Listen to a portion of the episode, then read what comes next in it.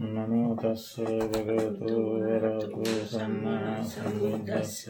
නමෝතස්ස භගවතු වරතු සම්මා සම්බුද්දස්ස. නමෝතස්ස භගවතු වරතු සම්මා සම්බුද්දස්ස. එතකොට අපි එදා සතිපට්ටහන සූත්‍ර දේශනාවේ පටික්කූල මනසිකාර කොටස සජ්්‍යායනා කළා. ඒක විස්තර වශයෙන් පැහැදිලි කළා. ඊට පස්සෙ දවස අපි කායගතා සති භාවනාව කිරීමෙන් ලැබෙන ආනිසංස අංගුත්තර නිකායේ කායගතා සති වග්ගය ආශ්‍රයෙන් පැහැදිලි කළා.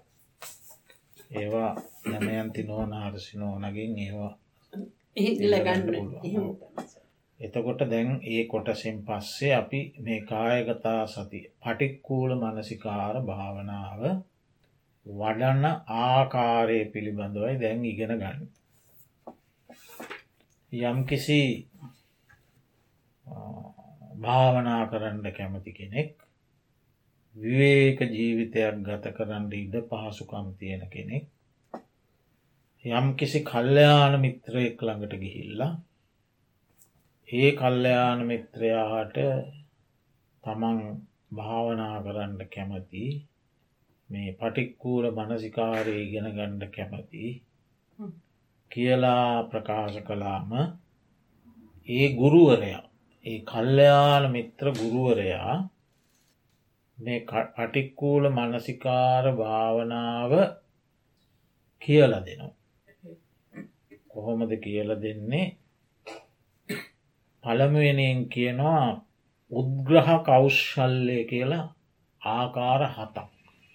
ඒ හත තමයි මේ වචනයෙන් සිතෙන් වර්ණ වසයෙන් සටහන් වසයෙන් දිසාවසයෙන් පිහිටලා තියෙන තැන් වසයෙන් පරිච්චේද වශයෙන්. ඔය ක්‍රම හත උගන්නනු. මේ ක්‍රම හත. වචනය සිතින් වර්ණ වසයෙන් සටහන් වසයෙන් දිසා වසයෙන් පිහිටි තැන් වසයෙන් පරිච්චේද වසයෙන්. එතකොට ඒ ගුරුවරය කියනවා ඔබ පළමුුවෙන්ම කරන්නට ඕනේ මේ පටික්කූල මනසිකාරය හෙවත් දෙතිස් කුණප කොටස් මොනවදේ කෙස් ලොම් නියපොතු දත්න් හම මස්සන් නහර ඇට ඇට මිදුළු අකුගඩු හදවත අක්මාව දලබුව පිත්තාසේ පෙනහලු කුඩා බැඩවැල් මහ බැඩවැල් නොපැසුන ආහාර පැසුණු ආහාර මොලලොඳ පිත්ත සෙම සැරව ආදී මෙ තිස් දෙකක් තියෙනවා සතිපට්ටහන සූත්‍රයේ තිස් දෙක විස්තර වෙනවා. ඒ කොටස් තිස් දෙක බෙදාගන්නවා පහේ ගොඩවල් හතරකට. හයේ ගොඩවල් දෙකට එතට පහේව හතරක් විස්සයි හයේව දෙකක් දුල්හයි තිස් දෙක එහෙම බෙදාගෙන පළමුුවෙන් කියනවා අර මුල්ම පහ.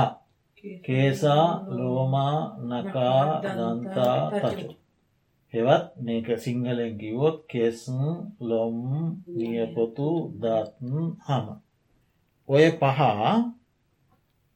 දවස තිස්සේ භාවනා කරන හැම අවස්ථාවක දීම සජ්්‍යහායනා කරන්න කියන දැ හිතෙන්නේ මේ කරන්න. වචනයෙන් කියන කේසා ලෝමා නකා දන්තා තචු කේසා ලෝමා නකා දන්තා තච්ච. ඒ කියනකොට ඒවා තියෙන පිහිටලා තියෙන තැන් හිතෙන් බලන්ටෝ. කේසා කියනකොට මෙතෙන්ට හිතයන්න ඕ. කෙස්. ලෝමා කියනකොට මේ අතුල් පතුල්ලොල හැර මේ වගේ පතුල්ලොලයිනි කෙස්. කෙස් තියෙන තැනත් ලොම් නෑ මෙතනත් ලොම් නෙමේ මෙතන තියෙන කෙස්නේ මේ පතුල්ලොලත් නෑ අතුල්ලොලත් නෑ අනිත් හැමතැනම ලොම් තියෙන. එතට මේ දෙක හැර මේ හතර හැර හිස්ස හැර අනිත් හැමතැනම. මේ මුහුණ තියෙන රැවුල පවා ලොම්. ලෝමා කියනකොට මේ මුළු ශරීරයේ පුරාම හිත යන්ඩෝන. ලෝම. නකා කියනකොට නියපොත්තු කියනකොට තමන්ගේ සිහියෙන් සිහිය යන්න ඕනේ කොහෙටද අත්වොල ඇගිලි අගටයි පාවල ඇගිලි අගට ඇගිලි අගෙන තියෙන නියපොට නකා. ඉළඟට දන්තා කියනකොට මේ දත් උඩුව ඇන්දයි යටියන්ද. තචෝ කියනකොට මේ මුළු ශරීරය පුරා හම. එහෙම දවස් පහක් එක සජ්්‍යායනා කරන්න කියන. කේසා ලෝමා මහාහයිෙන් නෙමේ සාමාන්‍ය මට්ටමින් හිටගෙන ඉන්න කොටත් ඇවිදින කොටත් වාඩි වෙලා ඉන්න කොටත් නින්දට ගියාමත් දවසේ භාවනා කරන හෑම අවස්ථාවකදීම කෙස් ලොම් නිය දත්සම්. ඔය පහ දවස් පහක් සජ්්‍යහායනා කරන්න කියන. ඔය කියල දෙන්න මේ භාවනාවටම බැසගත්ත කෙනෙකුට. එතකොට එයාගේ දවසේම වැඩ ඒක තම. කේසාලෝමා නකාදන්තා තච්චු. කේසාලෝමා නකාදන්තා තච්චු. කේසාලෝමා නකාදන්තා තච්චු. ඊට පස්සේ ඊළඟට කියල දෙනවා දැන් ඒ දවස් පහහරි. එහෙම නන්ද අග සිට මුලට ආයෙත් දවස් පහක් මෙනෙහි කරන්න කියන. ඒ කොහොමද තචෝ දන්තා නකා ලෝමා කේසා. තචෝ දන්තා නකා ලෝමා කේසා. සිංහලෙන් කිවොත් හම දත්න් නියපොතු ලොම් කෙස්. ඒ සජ්්‍යායනා කරනකොටත් ඒ තියෙන තැන් වලට සිත ඒ තියෙන තැන් අරමුණු වෙන්ටෝන තචෝ කියනකොට ඇඟ පුරාහම දන්තා කියනකොට උඩුවෙන්ද යටයන්ද දත් ඊළඟට නකා කියනකොට අත්තැගිලිවලයි පාඇගිලිවලයි අග තියෙන නියපුත්. ලෝමා කියනකොට අතුල් පතුල් හැර අනිත් හැම තැනම තියෙන ලොම්. කේසා කියනකොට හිස මස්තකයේ තියෙන කෙස්. ඒකත් ඔන්න එහෙම දින පහක් සජ්්‍යායනා කරන්න කියන. එතෝට දැන් දින දහය. හරි ස්වාමීන් වහන්ස ඒකටත් ඒ සජ්්‍යායනත් තිවර ඒකට කියන ප්‍රතිලෝම කියලා. අර මුල් පහට කියන අනුලෝම. ඊළඟ පහට කියන ප්‍රතිලෝම. ස්වාමීන් වහන්ස දැන් ප්‍රතිලෝම සජ්්‍යායනයක් කළ කියලා ඇවිල්ල කිව්වම එහෙනම් ඔය නම දැන් අනුලෝම ප්‍රතිලෝම දෙකම සජ්්‍යායනා කරන්න කිය. ඒත් දින පහ කොහොමද කේසාලෝමානකා දන්තා තචෝ තචෝ දන්තානකා ලෝමා කේසා. කේසාලෝමානකා දන්තා තචෝ තචෝ දන්තානකා ලෝමා කේසා. කේසාලෝමානකා දන්තා තචෝ තචෝ දන්තානකා ලෝමා කේසා. එහෙම කරන්න කියන. එතෝට දැන් දවස් පහල. ඔය මේටිකටම දැන් මාස භාගයක් කිවරයි. ඔය පහට මාස භාගයක් දැන්ගිහිල්ලා. දැන් එයාට ඔන්න ඒටික හොඳට ප්‍රගුණයි. මුල සිට අගට කියන්නත් පුළුවන් අග සිට මුලට කියන්නත් පුළුවන් මුලසික මුල සිට අගට කියලා ආග සිට මුලට කියන්නත් පුළුවන්. එතකොට දැන් එයා හිතෙන් බලන්ඩත් පුරුදු වෙලා කේසා කියනකොට මෙයාට මෙතෙන්ට මෙතන හිත. ලෝමා කියනකොට හිත ඒ තැන්වල. අන්න ඒ විදිහට ඔන්න දැන් දින පහළවයි.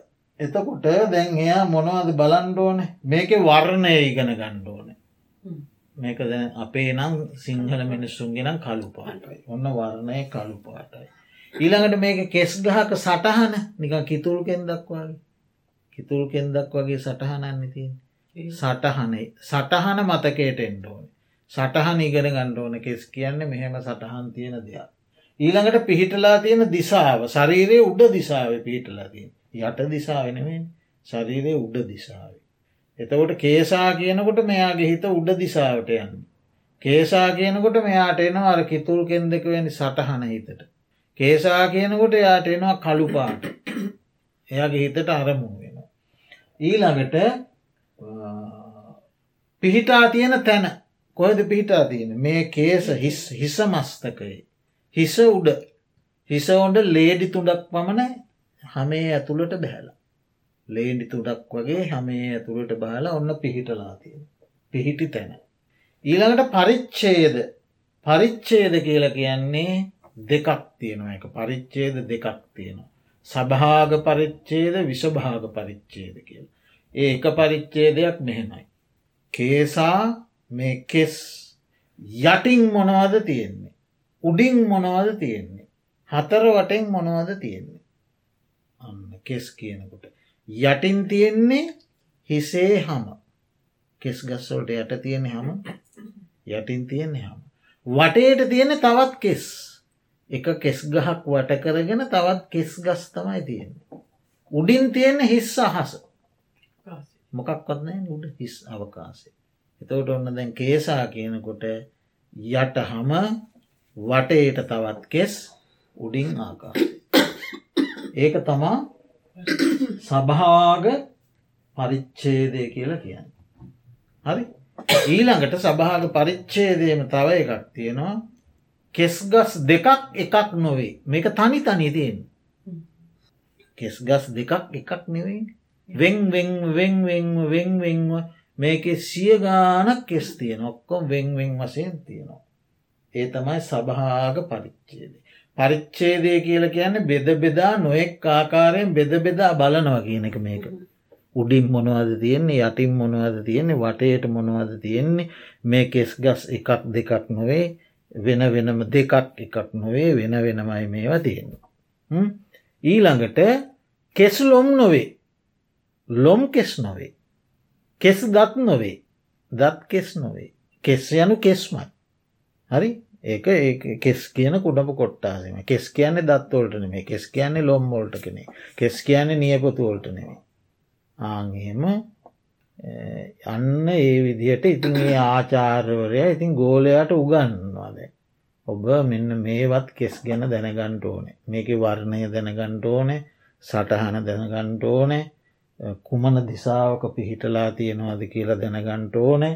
ඊළඟට මේක පිහිටලා තියෙන තැන දැනගණ්ඩ ඕනේ ඉට පස්ස මේක යටින් උඩින් සරසිං මේ වටේට තියෙන ආශ්‍රය කරන කුණපයෝ දැනගණ්ඩ ඕනේ. ඒවත් උගන්නනවා. ඒවත් උගන්නන ගමන් කියනවා ඉතින් ඔන්න ඇටිකත් ඉගෙනගෙන හොඳට බලමින් හොඳට මෙනෙහි කරමින්. හොඳට එයට අවධානය යොමු කරමින්. සිහිය යොමු කරමින්. සිත යොමු කරමින්.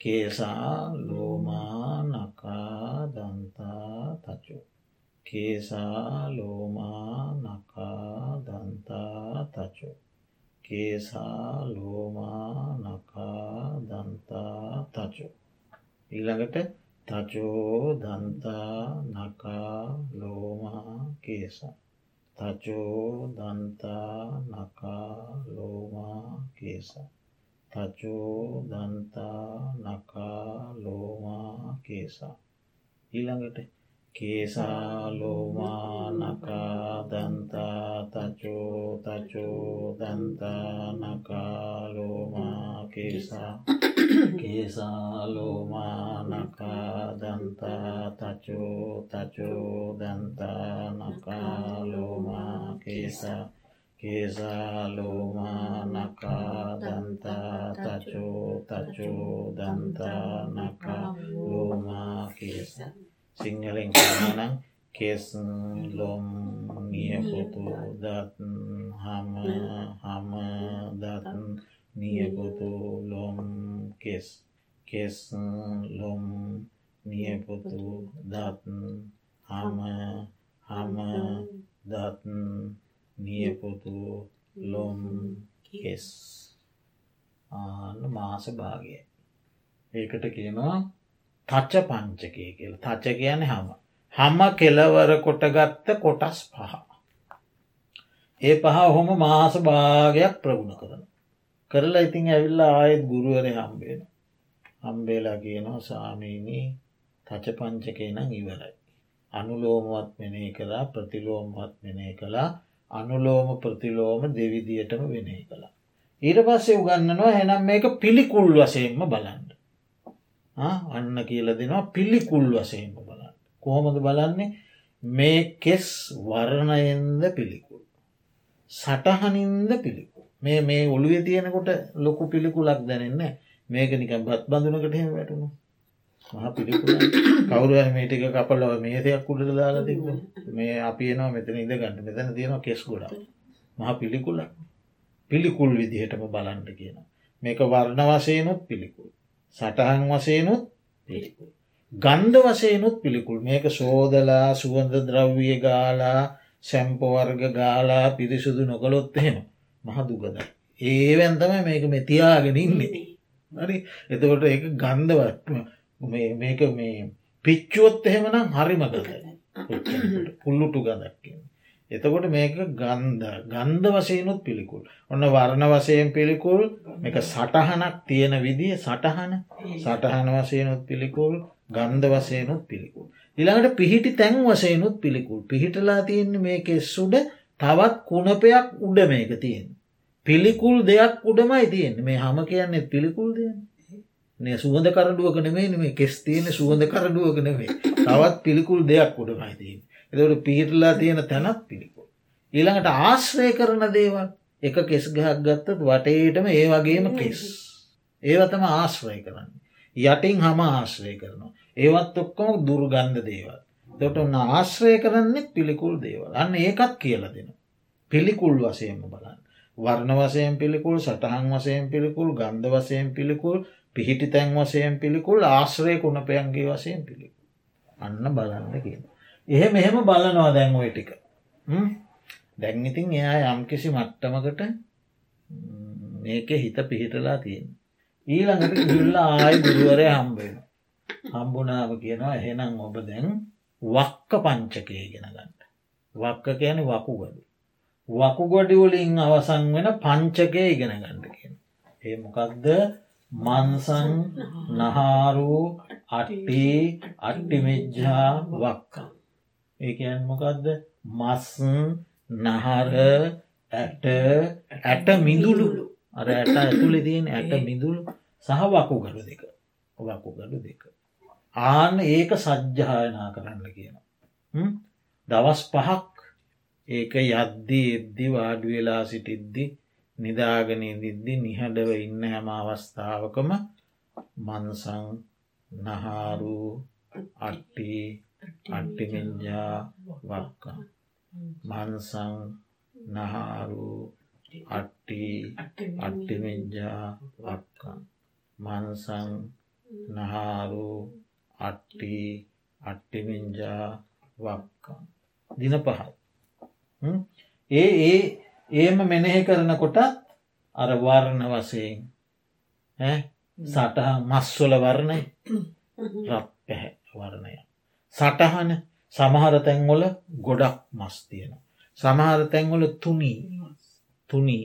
නිකන් නහරත් එක්ක බැඳල තුනී. සමහර තැන්වල ගොබයක් වගේ ගොඩක්. මේ අත්වල මේ බාහුවල ඒ වගේ. එතේ මස්වල සටහන ඊළඟට මස් පිහිටලා තියෙන දිසාාව උඩ දිසා යට දිසා දෙකේම තියෙන. ඇගේ උඩ දිසාවෙත් තියෙනවා ඇගේ යට දිසාවෙත් තියෙන. ඊළඟට පිහිටලා තියෙන තැන මේ ඇටකටු උඩ අස්ති පංජරය උඩන පිහිටලා පිහිටලා තියෙන තැන. ඉලාට පරිච්චේද වසේ යටින් ඇටකටු උඩින් හම සිවිය සමඟ හම එතකොට හරස් පැතිවලින් නහර මෙහෙන් ඇටකටු මෙහෙන් හම මෙහෙන් නහර. මේවත් එක්ක තමයි මේක පිහිටලා තියන්න මේ මස්. ඊළඟට බලනවා මස් නහර නොවේ. නහර මස් නොවේ. මස් ඇට නොවේ. ඇට මස් නොවේ. මේක මස් කියන මස්මයි. එක වෙනමම දෙයක්. එම වෙන් කරලා බලන්න මස් කියන එක වෙන් කරලම බලනවා. හරි?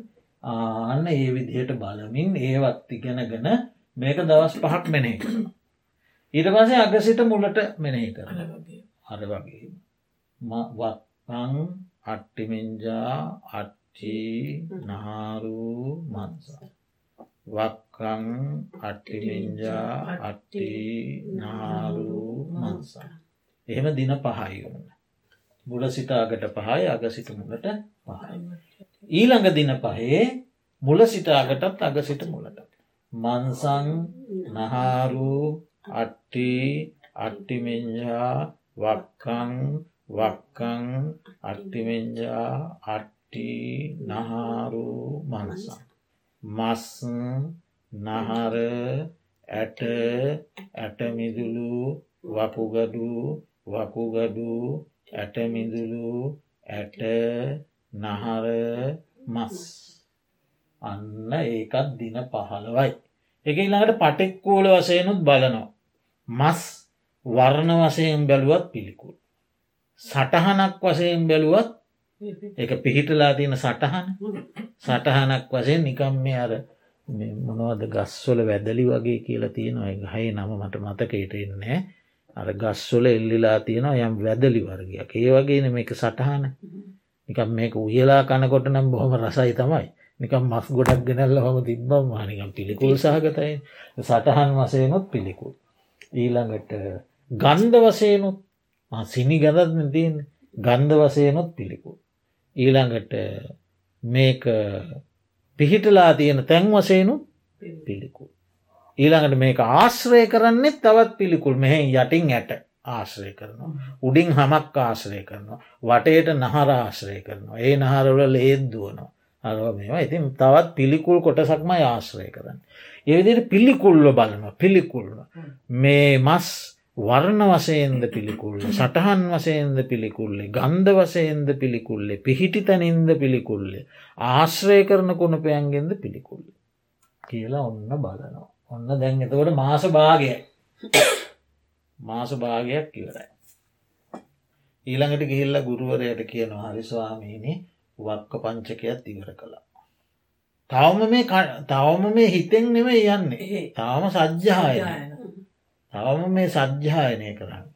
ඊළඟට කියනවා එහෙනම් දැන්ඔය මුල් දවස් දෙකේම කරපු ටික තියෙනවානේ. ඔයට කොක්කොම එකට අල්ලලා කරන්න කියන. වෙන වෙනමනි කරේ ඒ ඔක්කොම එකට අල්ලලා කරන්න කියන කොහොමද? කේසා ලෝමා නකාදන්තා තචෝ මන්සන් නහාරු අට්ටි අට්ටිමින්ජා වක්කා. උඩ පහයි යට පහ එකට ගත්තා. කේසා ලෝමා නකාදන්තා තචෝ මන්සන් හාරු අට්ටි අට්ටිමින්ජාවක්කම්. ඔන්න දින පහයි. ඒකත් ඒ කරන ගමන් අරවත් එක්ක හිතනවා දැන්. හරිද ඒ අර අර මුලින් කිව්ව කෙස් තියෙන තැන ලොම් තියෙන තැන ඒ තියෙන තැන්වලටත් සිතයවමින් බලමින් ඒවයි වර්ණත් හොඳට ඒවා ඉගෙන ගන්නවනි දැන් ඒවා ඉගෙන ගැන තියෙන මේක වර්ණය මෙහෙමයි ආන්න එහෙම දින පහයි. ඊළඟ දින පහේ ඒ කොටසේ අගසිට මුලට කොමද වක්කං අට්ටි මෙංජා අට්ටි නහාරූ මන්සන් තචෝ දන්තා නකාලෝමා කේසා. වක්කං අට්ටිමින්ජා අට්ටි නහාරූ මන්සන් තචෝ දන්තා නකාලෝමා කේසා. වකුගඩු ඇටමිදුළු ඇට නහර මසන් හමදත් නියපුතු ලොම් කෙස්. වකුගඩු ඇටමිදුළු ඇට නහර මසන් හමදත් නියපොතුලොම් කෙස්. එහෙම දින පහයි. ඊළඟ දින පහේ ඒ දෙකම එකට අල්ලල දිගට යන. මුල සිට අගසත් අග සිට මුලට දෙකම එකට. දැ මේක වෙනම ගියා මේක වෙනම ගිය. ඊළඟට මේ දෙකම එකට අල්ලලා යන. කොහමද කේසාලෝමානකාදන්තා තචෝ මන්සන්න හාරු අට්ටි අට්ටි මිජ්ජාවක්කම් වක්කං අට්ටි මිජ්ජාට්ටි නහාරු මන්සන් තචෝ දන්තානකාලෝමා කේස. කේසාලෝමානකාදන්තා තචෝ මන්සන්න හාරු අට්ටි අට්ටි මිජ්ජාවක්කම් වක්කං අට්ටි මින්ජාට්ටි නහාරු මන්සන් තචෝ දන්තානකාලෝමා කේසන් වන්නේ කෙසුන් ලොම් නියපොතු දත් සම මස් නහර ඇට ඇටමිදුළු වකුගඩු වකුගඩු ඇටමිදුළු ඇට නහර මස් හම දත් නියපොතු ලොම් කෙස් කෙසුන් ලොම් නියපොතු දත් හම මස් නහර ඇට ඇටමිදුළු වකුගඩු වකුගඩු ඇටමිදුළු ඇට නහර මස් හම දත් නියපොතු ලොම් කෙස්. ආනේව කෝම ඊළඟට පිළිකුල් වසයනුත් බලන. සේරම කෝමද පිළිකුල් වසයෙන් බලන්නේ? වර්ණයනුත් පිළිකුල් සටහනුත් පිළිකුල් ගන්දයනුත් පිළිකුල්. පිහිටලා තියෙන තැන්නනුත් පිළිකුල්. ආශ්‍රය කරන්න තොක්කොම තවත් පිළිකුල් කොටස්. මේ එකක්වත් සුවඳ කරඩුවක ලස්සනට මුතු මැනික් අල්ලපු ඔබ්බපු තැනක තියෙන තියෙන දෙයක් නෙවෙයි. තවත් පිළිකුල්ලූම කොටස් ආශ්‍රය කරමින් පවතින් නෝය. දැන් කීයක් ගියාද කාලේ පායි දායයි පාලවයි විස්සයි විසිපාය තියයි තිස්පායි හතලයයි හැතලිස් පායි. දැන් ඕන්න ගිහිල්ල මාසක හමාර හරි මාසක හමාරක් ගිහිල්ල ඔයටිකටනේ ඔය ටිකට මේ ටික ඔක්කෝම සජ්්‍යායනයට විතරක් යනවා මාස හයක් සජ්්‍යායනයට විතරක් මාස හයක් යන. එතකොට බුදුරජාණන් වහන්සේගේ දේශනාවලට අටුවාචාරීන් වහන්සේලා තමයි මේ ක්‍රමය ලියන්න. අටුවාව. විශුද්ධි මාර්ගයේ සම්මෝහ විනෝදනී ඒ අටුවාවල දේශනා කරනවා ත්‍රිපිටක ධාරියෙක් වුණත්. මේ භාවනාව පුරුදු කරගන්නට ආවම එයාට කියල දිය යුත්තේ මෙන්න මේ උග්‍රහ කෞසල්ලය හත. සහ මනසිකාර කෞශල්ලය දහයි ඒක ඊළඟ දවසීගෙන ගනිමු උද්ග්‍රහ කෞශල්ලය හත කියන මේවා තමයි. වචනයෙන් මෙනෙහි කරන්නට වචනයෙන් සජ්‍යානා කරන්න උගන්නනවා. සිතෙන් මෙනෙහි කරන්න උගන්නනවා. වර්ණය උගන්නනවා. සටහන උගන්නනවා. දිසාව උගන්නනවා. පිහිටි තැන උගන්නනවා. පරිච්චේදය උගන්නවා. ඊලාට පිළිකුල් පහ උගන්නනවා. වර්ණය සටහන ගන්ධය පිහිටලා තියෙන තැන ආශ්‍රය කරන කුණප. මෙන්න මේ මේවා ඇසුරු කරගෙනයි තියෙන්නේ. දැන් අපි ගත්තොත් මේ හම මොනවද ඇසුරු කරන්නේ උඩින් සිවියක් ඇසුරු කරන. ලොම් ඇසුරු කරන. සිවියකුයි ලොමුයි මේ හම ඇසුරු කරන්න ඒවන. යටින් මහරයි නහරයි මසු කර. නහර මසන් සිවිය ලොම් ඇට මේව ඇසුරු කරගෙන මේ හම තියෙන්නේ. එතවට ඒවා එකක්වත් මේ සුවඳ ඇති දේවල්ද. ඒවා ඔක්කොමත් මේ වගේම දේවල්. ඒව කෝම ඉතින් ඒ ගුරුවරය කියල දෙන. කියල දීලා ත්‍රිපිටක ධාරියකුටන. එයා මුළු ත්‍රිපිටකේම පාඩන් තියෙන්ට පුළුවන් හැබැයි යායට ත්‍රිපිටකේ පාඩන් වුණට තව භාවනාව පැත්තයාගේ ගිහිල්ල නෑ. දෝට එයා එන අස්වාමීනී මට මේ සංගී ධර්මය නැත්තන් ත්‍රිපිටකේ මට බොහොම ප්‍රගුණයි මට අංගුත්තර නිකාය දීගනිකාය මජ්්‍යම නිකාය සංගත්ත නිකාය ඔක්කොම මට ප්‍රගුණයි මට ඒ සූත්‍ර ඔක්කම් පුළුව මට ඕන භාවනා කරන්න. මං කැමති කායගතා සති ඉගෙන ගන්න. ආගේ ත්‍රිපිටක ධාරයාටත් උගන්නන්නේ මේ ක්‍රමේ තම. ඔය ඔය නම ඉතින් ත්‍රිපිටකේ දන්න ඔය නමට ටක්ගාල මේ කල්ල ගන්න පුළුවන්නේ එහ නිසා ඔය නම මේ මෙහෙම කර එහෙම නෑ මේ ක්‍රමේ තමයි කියලා දෙන්න කියන්න මුල සිතා. එතකොට සමහරයි ඒ මහා ඥානවන්තාය උපතින් බුද්ධිය තියෙන ධර්මය හොඳට ප්‍රගුණාය මේ සජ්්‍යායනා කරනකොට මඟ පල්ලබන. සිතෙන් මෙනෙහි කරන්නටත් කලින්. සජ්්‍යායනා වාරයේදීම මාර්ග පල්ලබන. ඒ නිසා මේකමයි ක්‍රමය කියලා අටුවා කියන්න. අට්ට කතාචාරීන් වහන්සේලා. එකට උදාහරණයක් කියනවා මලය රට මලය රට බලමු අපි නම මලය රට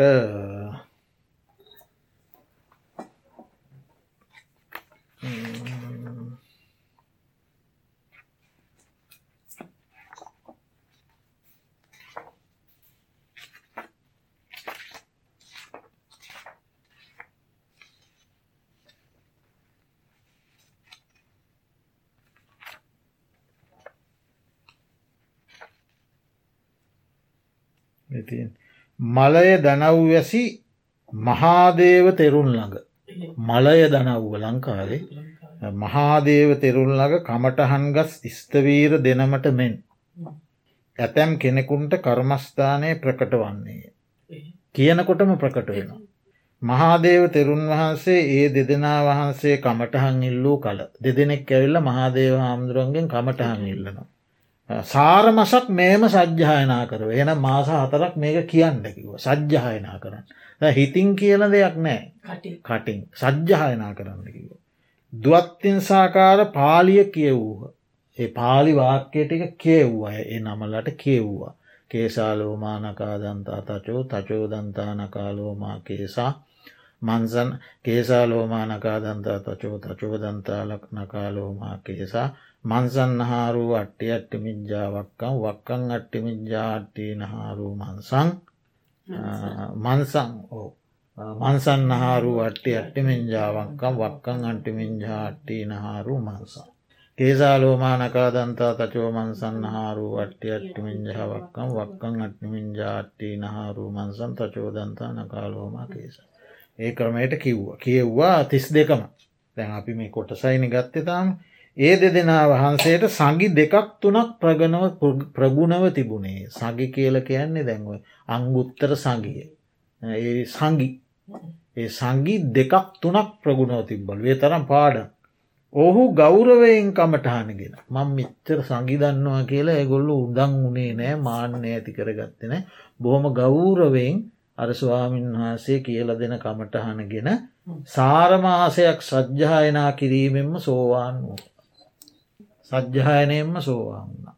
එබැවින් කමටහන දෙන ආචාර්යවරයා විසින් පළමුකොට මේ වචනයෙන් කියමින්ම සජ්්‍යායනා කරවයි අතවැස්සාට කිය යුතුය. ඒකමයිලු කියල දෙන්නටුවන.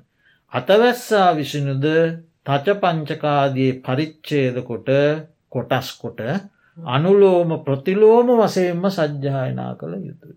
මේක තමයි ක්‍රමේ. ඉතින් ඒක තමයි ඔන්න පටික්කෝල මනසිකාරයේ අපි ඔය පලවෙනි කොටසයි කරේ කියල දුන්නේ පලවෙනි කොටස. පලවෙනි කොටසට අපි ගත්තා වක්ක පංචකය දක්ව. කෙස් ලොම් නියදත් සම් මස් නාව ඇට ඇටමිදුරු වකුක. තව මෙතකොට දහය තව දොළහක් විසි දෙකක් තියෙනවා. මේ මේක අපිට මේ පටන්ගත්තා දැ අපි පලවෙනි දිනේ මෙහෙම මොකක් මහක් කරගෙන ගියන් මේක මේක මෙනෙහි කරන ක්‍රමය අපි ලියලා ඒ දැන් ඕක පැටලෙනවන් නැත්තම්? මේ පලවෙනි පහ එක අපි සටහනක් පොතට ලියන පොතක සටහනක් කරලා තම පාඩන් කරගන්න. මේක පහයි මේක පහයි මේක පහයි.